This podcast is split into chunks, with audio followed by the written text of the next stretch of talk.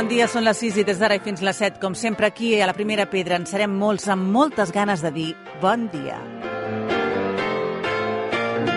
La Primera Pedra, dissabtes i diumenges de 6 a 7 del matí. Amb Noemí Polls.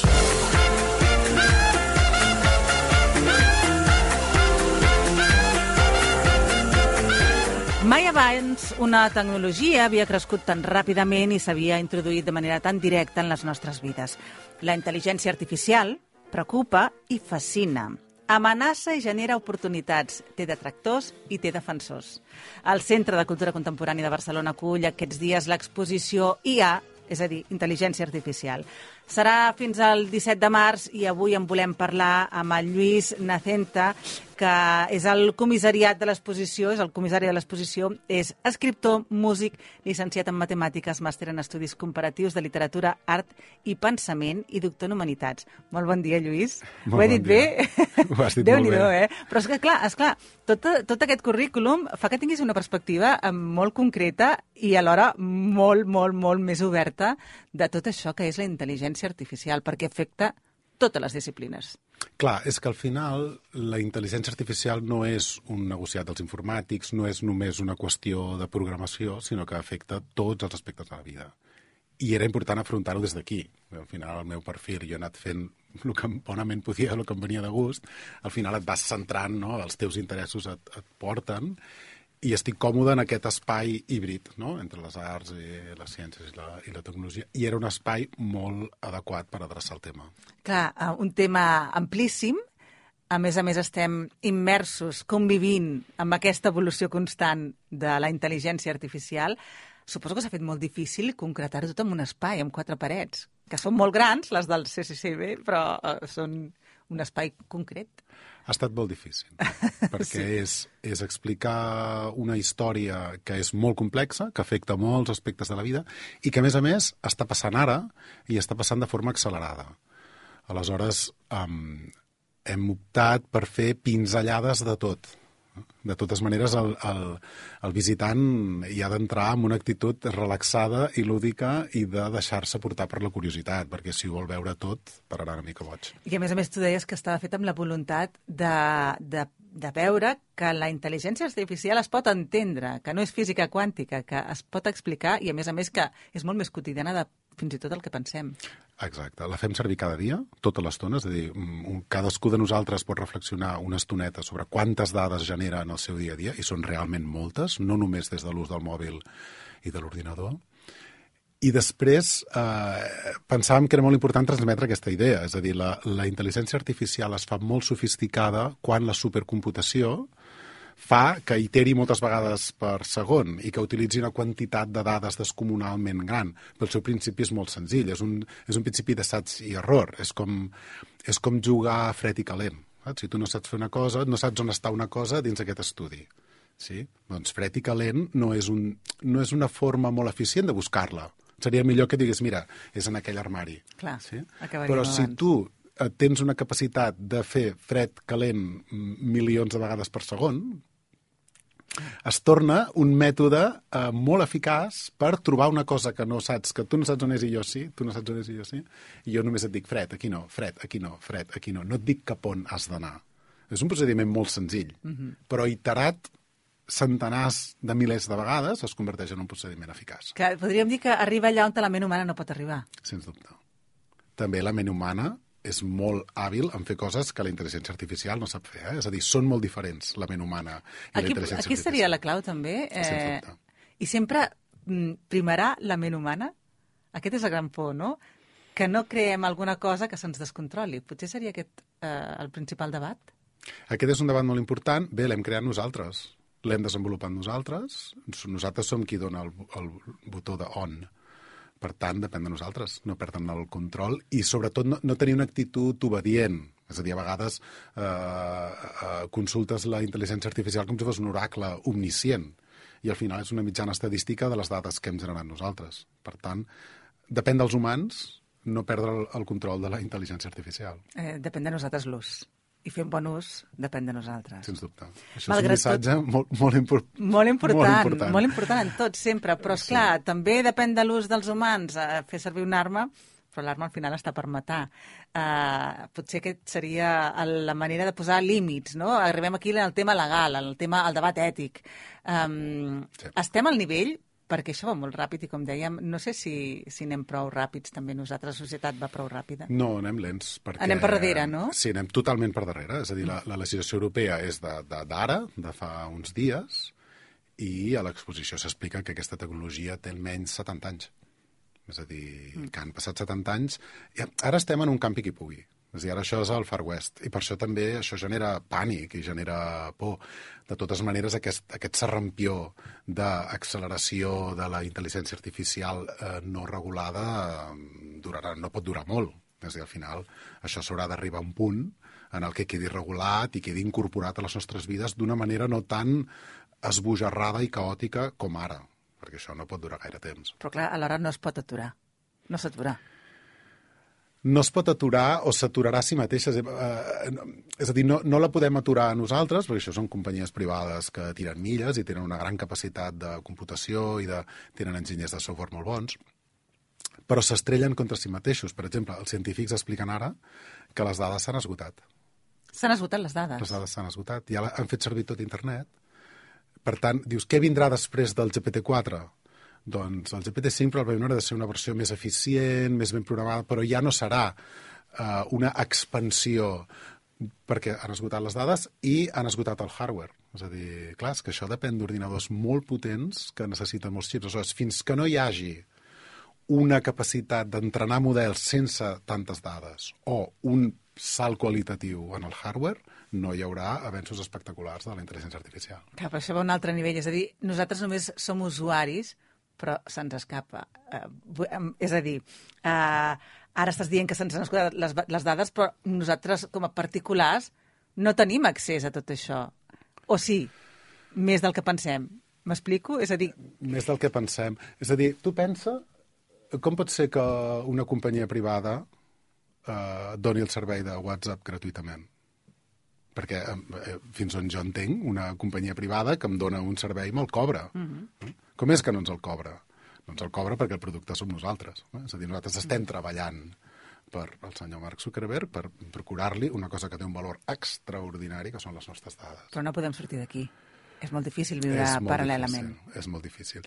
Sí, però bueno, saber-ho, prendre en consciència... Hi ha coses, eh, per exemple, rebutjar les cookies mm. quan navegues és facilíssim són dos clics. La gent diu, ah, no, acceptar tot, perquè és com condicions... Normalment, si la web està ben programada, és altres opcions, rebutjar tot. Si no està molt ben programada, és altres opcions, desfer... Canviar una altra pestanya sí, no, i una no, altra... no, però són dos, tres clics, eh? És a dir, mai és una qüestió... No és com les condicions d'ús, que si realment les vols llegir, entres en un scroll infinit. Això es pot fer, no és impossible. Uh, desactivar la localització del teu mòbil, Mm. Això és un exercici interessant que els oients poden fer. És a dir, mira els ajustaments del teu mòbil i mira quines apps tenen eh, accés a la teva ubicació. I dius, bueno, Google Maps ho entenc, no? té, té sentit que tingui... Però el navegador, el navegador ha de tenir... WhatsApp ha de tenir accés a la meva ubicació? Per què? No? Um, I això són gestos petits, senzills de fer, que no has de saber informàtica, i que si els féssim de manera massiva s'espantarien molt. Segur, segur, perquè deixarien de tenir el poder que tenen. Exacte. Però clar, estem enganxats en, aquests, en aquestes màquines. Eh, suposo que ja juguen amb això. Sí. No, difícilment tota una societat avui dia deixaria de fer servir WhatsApp per més en perill que es pensés que pot estar.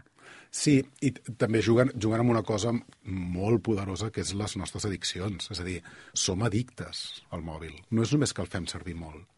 La quantitat de vegades al dia que el traiem de la butxaca i el consultem de manera quasi automàtica és perquè el dispositiu està, està generat per, per, per, per convertir-los en addictes. I sobretot això de cara a les persones joves doncs és, és molt difícil de revertir.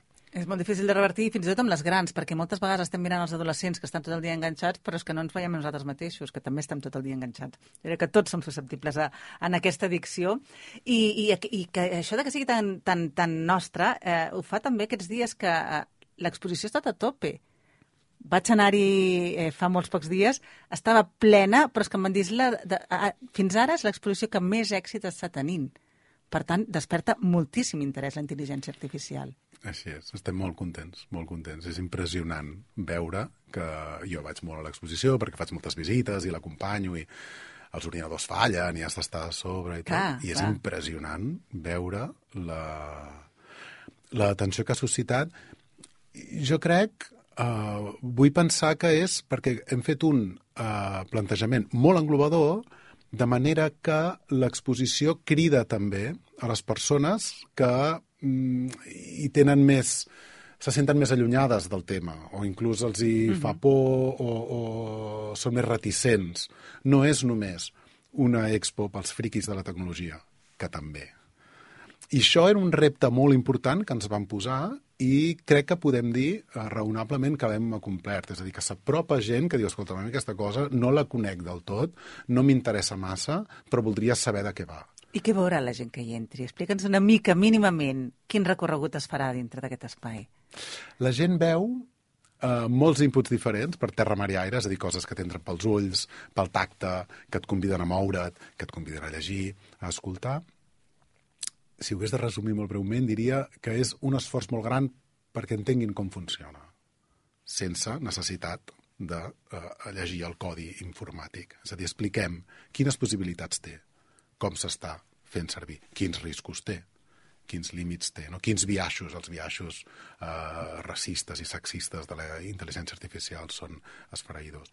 Aleshores, anem explicant, és una mica eh, treure mites, perquè la quantitat de mites al voltant de la intel·ligència artificial és enorme, eh, treure mites i que la gent se senti una mica més familiaritzada amb aquesta mena de monstre fascinador Absolutament. que és aquesta tecnologia. Jo no entraré ara més en debat perquè això podria omplir hores i hores de ràdio, programes i programes de ràdio, però sí que convidaré la gent que no només vegi l'exposició, sinó que també eh, participi de tota aquesta altra part de debats que també feu eh, al canal d'intel·ligència artificial de Filming, que ofereix pel·lícules. Sí. És a dir, que hi ha tota una visió molt més completa eh, acompanyada de tot això, no? Això és una cosa que és molt important. Me n'alegro que ho diguis, perquè, evidentment, les exposicions prenen una, una visibilitat molt gran i atreuen molt de públic, però el CCCB va molt més enllà d'això. I això també és molt important, et permet fer exposicions complexes.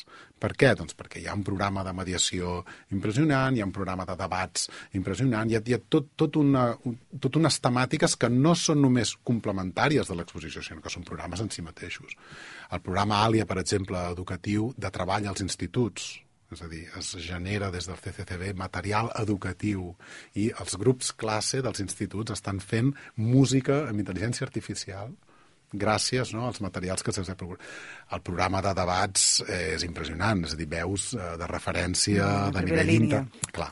I això és molt important i et permet això, és a dir, et permet fer una exposició complexa perquè saps que aquesta exposició complexa no està sola, sinó que està acompanyada de programes molt sòlids de contextualització. Per això convido la gent que entri a la pàgina web del CCCB i que en allà trobarà part dels debats també, ja, que ja me n'he escoltat uns quants, després pel·lícules, com dèiem ara, a través de Filming, que estaran, em sembla que fins al 17 de març també, Sí. I, que, i que són tot un seguit de pel·lícules que, déu nhi que ja reflexionen sobre tot això, no? sobre Sí. la intel·ligència artificial. Això és una... És, és el, les pel·lícules que es van presentar al Més Rain uh, Film Fest, que és el festival de cinema fet amb intel·ligència artificial que organitza uh, la Universitat Pompeu Fabra, que va fer la primera edició al juny i va anar també, que ara faran la segona edició, i el resultat va ser impressionant.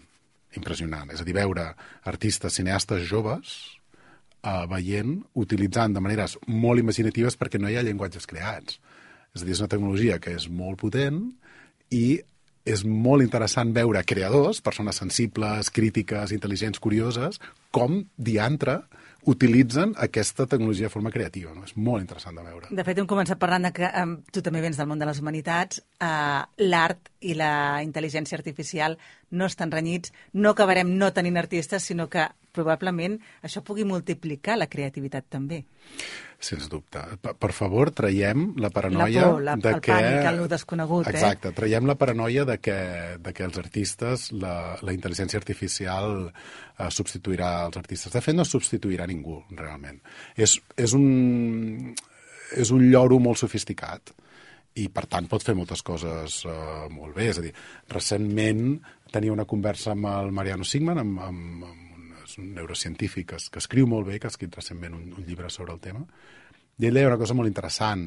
Deia, bé, potser si tu vols un cap de setmana per anar a la platja i estar tranquil i vols llegir una novel·la i vols que sigui d'aventures i que tingui una mica de marro amorós i un puntet de ciència-ficció però que al final tot acabi bé, doncs això és una intel·ligència artificial tu li dones a generar i en 3 minuts eh, te l'emportes a la platja. Potser per això no necessitem a Dostoyevsky. Potser els escriptors potser, eh, bons, els escriptors humans eh, sofisticats, els podem treure'ls el pes d'haver-nos d'entretenir amb relats lleugers. I... I pots fer un pas endavant. Exacte, no? I, I deia una idea molt interessant, i potser d'aquí un temps, en la cultura, hi haurà el segell uh, de, fet per humans, de la mateixa manera que anem, anem al súper i hi ha coses que són bio o que vas a comprar una, una peça de roba no? i et diu fet a mà. Exacte. Ell deia, podria ser que d'aquí no tant de temps la cultura tingués el segell fet a mà. És a dir, aquest llibre, aquesta pel·lícula, aquesta cançó ha estat feta 100% per humans, però potser no fa falta que tota la cultura sigui així. Clar. Sí, sí. És tot un món que, com dèiem, no s'acaba i que comença aquests dies, ara sí, eh, com a reflexió en el Centre de Cultura Contemporània de Barcelona i que recomanem molt, Intel·ligència Artificial, aquesta exposició que la podeu veure fins al 17 de març i amb la que hem volgut parlar amb el Lluís Nacenta, que ell és comissariat d'aquesta exposició concreta que hi ha aquí a Barcelona. Val molt la pena. Moltíssimes gràcies, Lluís. Moltes gràcies.